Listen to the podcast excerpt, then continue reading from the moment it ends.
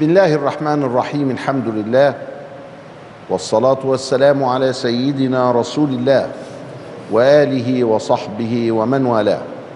مع أنوار الحبيب صلى الله عليه وآله وسلم نعيش هذه اللحظات.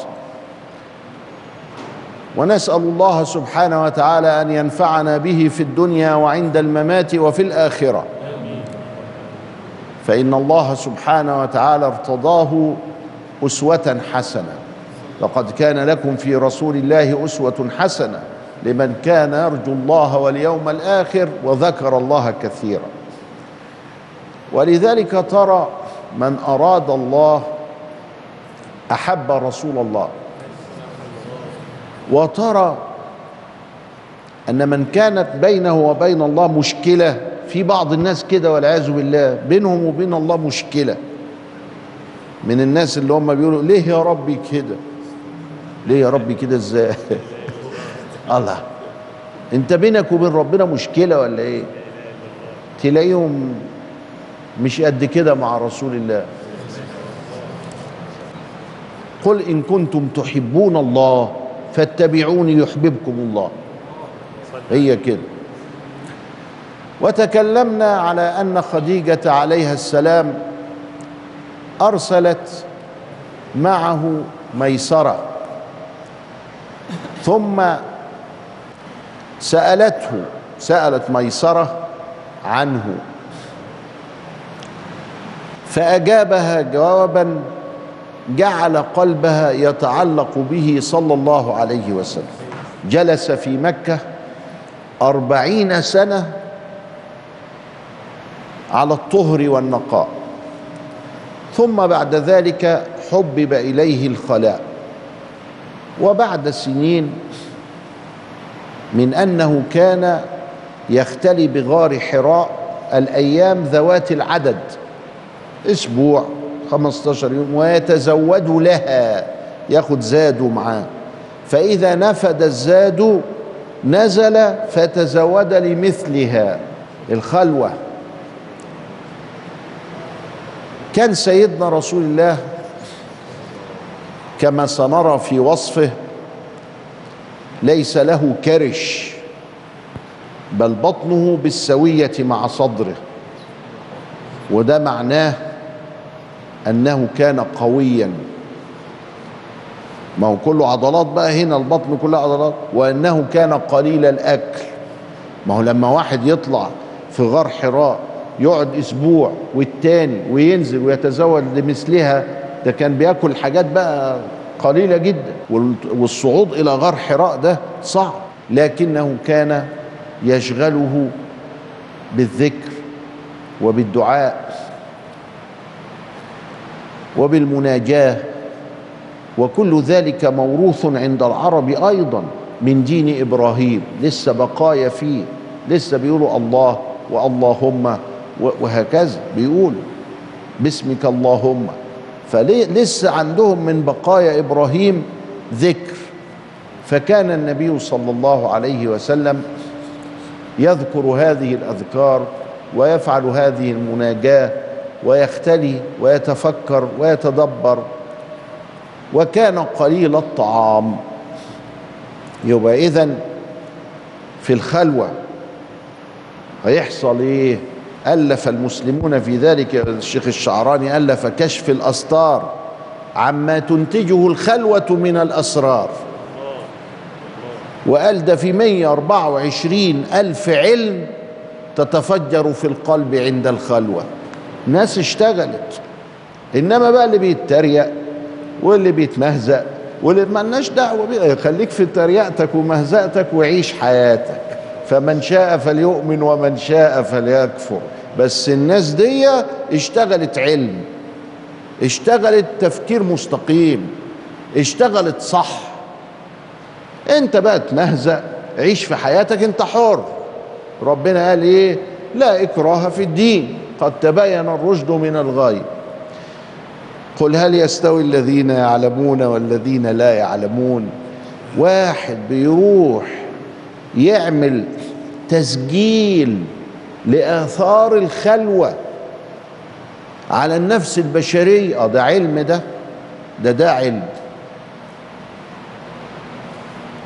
لكن واحد قاعد يستهزئ. إيه الكلام الفاضي اللي أنتوا بتقولوه ده؟ أيوه يا أخويا.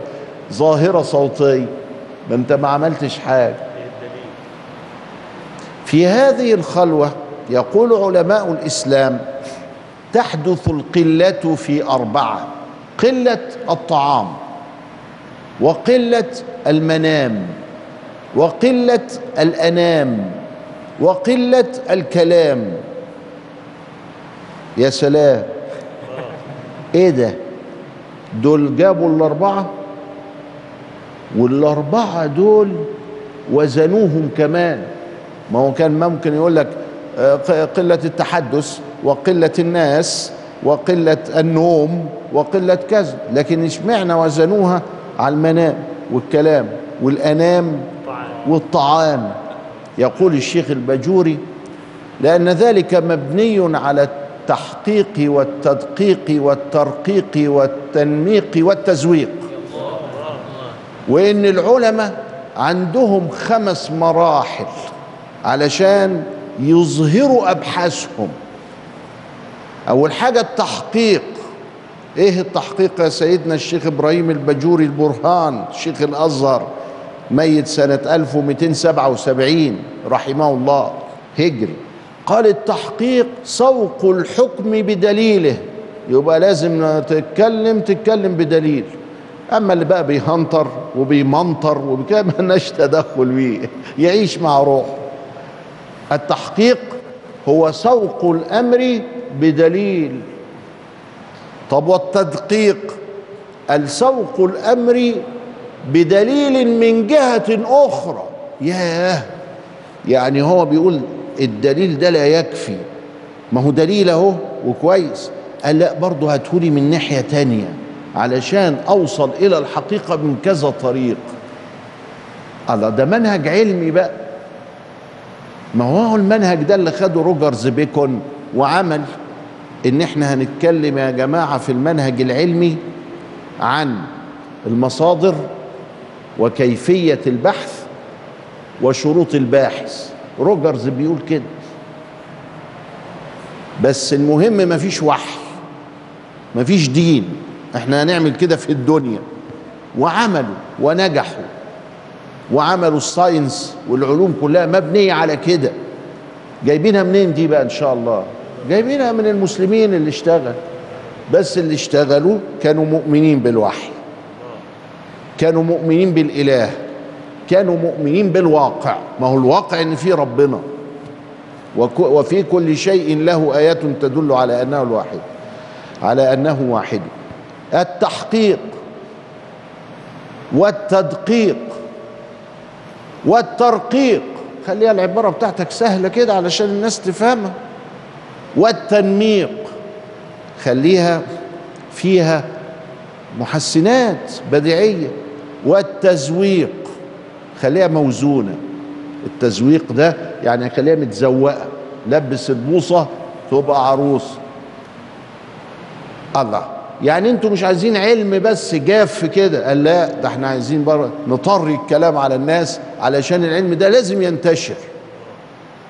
فالخلوة تنتج قلة الطعام قلة المنام قلة الكلام قلة الأنام.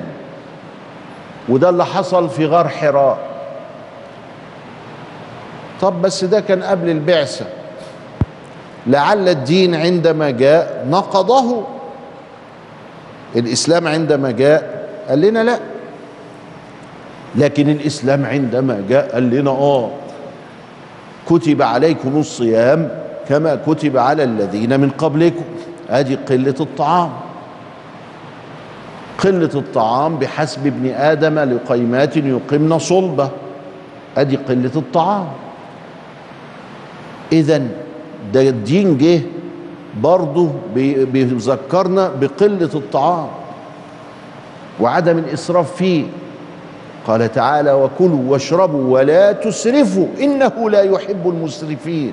ياه ده بيدربنا أهو.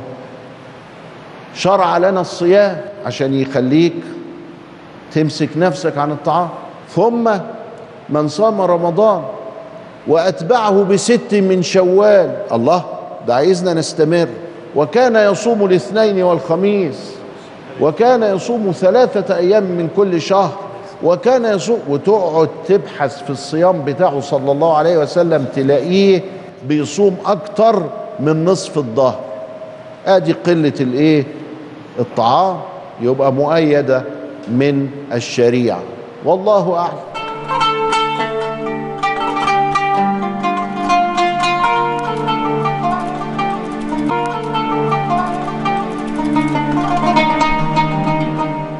بسم الله الرحمن الرحيم. هل الشريعة وافقت على قلة المنام؟ آه.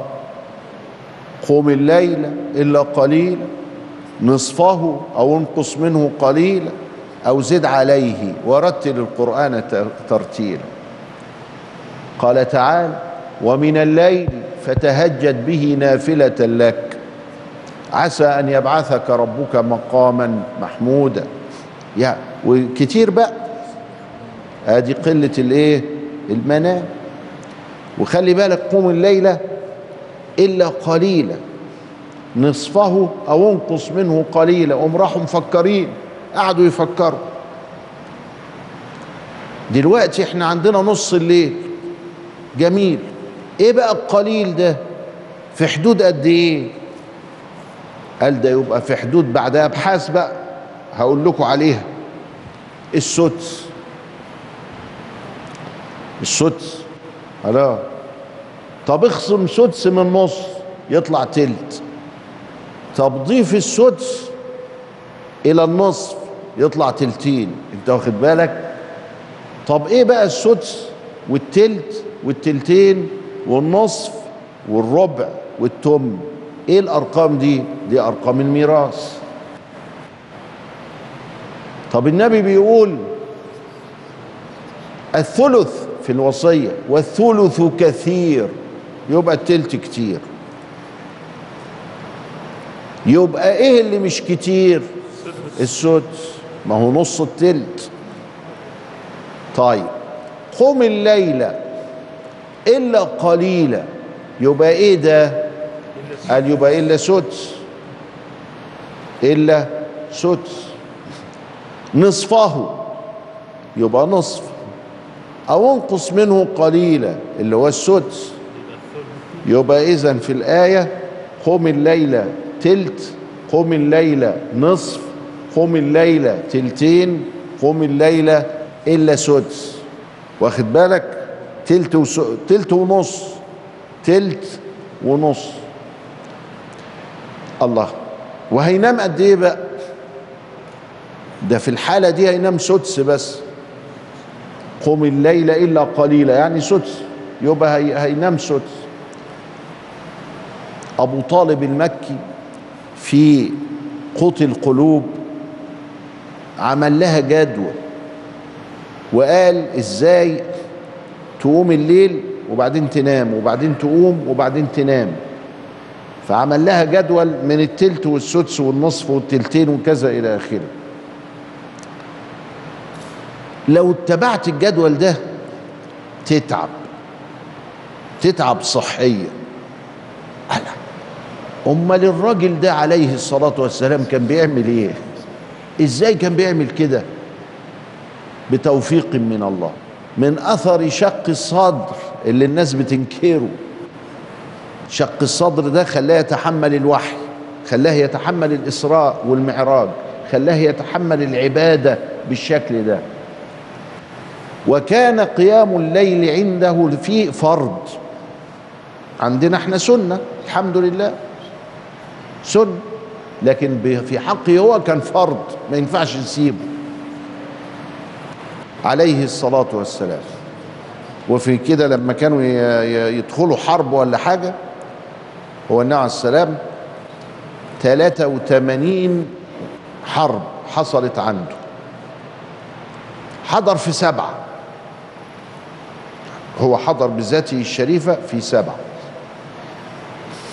والباقي سرايا وكذا إلى آخره. كنا إذا اشتد الوطيس احتمينا برسول الله صلى الله عليه وسلم. زي الأسد كده. ولا يهمه.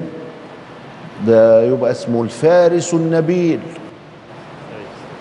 مش همه خلاص أنا أموت أموت. إنك ميت وإنهم ميتون. وأموت شهيد كمان. ومالوش دعوة بحاجة. أصل هو مش مش صاحب ما هوش عايز ملك هو ولا عايز دنيا ولا عايز حاجة خالص. هو عايز يبلغ الرسالة اللي ربنا أمره بيها. ما على الرسول إلا البلاغ. لست عليهم بمسيطر. وخلاص. فكان شجاع وكريم وجواد. نرجع مرجوعا يبقى عرفنا بقى قلة الطعام موجودة قلة المنام موجودة وقلة الأنام. ما هو أمرنا بالاعتكاف. مش أمرنا بالاعتكاف علشان نكف شوية عن الناس. وقال إن أجر الاعتكاف ده كبير قوي ولكن شوف ما خلاكش معتكف على طول فنهانا عن الرهبنة. اوعى تمتنع عن الزواج وأوعى تمتنع عن الانام تماما يعني. لا. إني أصوم وأفطر وأقوم وأنام وأتزوج النساء. ومن رغب عن أم عن سنتي فليس مني. فيعني في اعتدال. في الصيام قال لا صام من صام الدهر. يا عبد الله عبد الله بن عمرو بن العاص رضي الله عنهما إني لا أحب أن تكون مثل فلان. كان يقوم الليل ثم تركه. عايزك في الزيادة تملي. ولذلك هو بيقول له يا رسول الله أنا هصوم على طول. قال له لا اوعى تصوم على طول. يبقى اذا قلة الطعام بقانون قلة المنام بقانون قلة الأنام بقانون. قلة الكلام بقى. هل أيدها الشرع؟ آه نهانا عن اللغو. هذه واحدة. الثاني قال اضمن لي ما بين لحييك وفخذيك أضمن لك الجنة. هذه الثانية وقال ثكلتك أمك يا معاذ وهل يكب الناس على مناخرهم في النار إلا حصائد ألسنتهم؟ إذا رأيتم الرجل قد أوتي صمتا فإنه تنزل على قلبه الحكمة. ابن أبي الدنيا راح مؤلف كتاب جمع فيه كل ما ورد في الصمت وفضل الصمت وقلة الكلام. لا تهرف بما لا تعرف. كفى بالمرء كذبا أن يحدث بكل ما سمع. نهانا عن الكذب والغيبة والنميمة والبهتان وشهادة الزور. آفات من آفات اللسان. اتأنى فإن الكلمة تملكها. كما يقول الشافعي فإذا نطقت بها ملكتك. ما قبل ما تتكلم اوزن الكلام. يا سلام لو رأيت شخص كده عليه سمات الصالحين قليل الكلام. هتجد قلبك انشرح. يبقى إذا هذه الأسرار التي تفجرها الخلوة أيدها الشرع اللي هي الأربعة دول أصول الإيه؟ المسألة. قلة الكلام قلة الأنام قلة المنام قلة الطعام. أيدها الشرع وجاء الإسلام قرآنا وسنة بها بعد ذلك. يبقى إذا نحن أمام معالم الطريق إلى الله. معالم الطريق عطلك برنامج كده تقدر تعمله. واحدة واحدة. إن هذا الدين متين فأوغل فيه برفق. واحدة واحدة. قلل طعامك. بلاش الكارش ده. علشان تبقى متبع بقى. قلل الطعام. بس واحدة واحدة. لها برنامج اوعى تقلل مرة واحدة. ما ينفعش. إنما واحدة واحدة. لغاية الطعام ما يبقى للحاجة. وليس يعني مرة الشيخ الجنبيهي المسكين ألف كتابا أسماه هم بطني عبطني. هم بطني عبطني. يرد فيه على من باعوا دينهم ودنياهم من أجل الدنيا. بتبيع دينك ودنياك من أجل الدنيا. ما هو أنت الأكل ده هو الأساس. لما تبقى زاهد فيه مرة الشيخ محمد الخضر حسين رجال الثورة عبد الناصر واخوانه دعوه قالوا تعالى يا مولانا كان شيخ أزهر تعالى عندنا فين؟ في الحديقة الفلانية مش عارف كان في مركز اسمه آه، مكان مقر قيادة الثورة موجود لغاية دلوقتي على النيل في حديقة التحرير. فقالوا له تعال عشان نتفاهم مع بعض في حاجات كده. قال لهم لا أنا مش جاي. تعالوا أنتوا. قالوا نجي لك فين؟ قال لهم تعالوا لي البيت. أنت هتسوق علينا العبط والشيطانه ولا إيه؟ عندنا في شاي وفي قهوة وفي كذا ويعني قعده قال لهم لا تعالوا أنتوا. ما أنا عندي برضو شوية لبن وفينو. ها؟ وتغمزوا كده وإحنا بنتكلم ون... فشلوا. قال لهم السلام عليكم. وعليكم السلام. الراجل عنده في بيته حتة عيش كده وكوباية لبن. بس. فما هوش محتاج يعني. يبقى هيوفر كتير. الأكل بياخد 40% من الدخل. لما نخليهم 10% ما يجراش حاجة. إيه رأيك إنه ده ليه علاقة بالحرية السياسية؟ إيه رأيك ان هو ده ليه علاقة بالأوضاع الاقتصادية وبمستويات المعيشة؟ إيه رأيك ان هو ده ليه علاقة بالقلب الذي تخلى من كل قبيح وتحلى بالصحيح وجعل الدنيا في يده لا في قلبه؟ فلم يحزن على المفقود ولم يفرح بالموجود. أيوه. الكلام ده ليه علاقة بده وكله من هدي سيدنا صلى الله عليه وسلم. وإلى لقاء آخر نستودعكم الله. والسلام عليكم ورحمة الله وبركاته.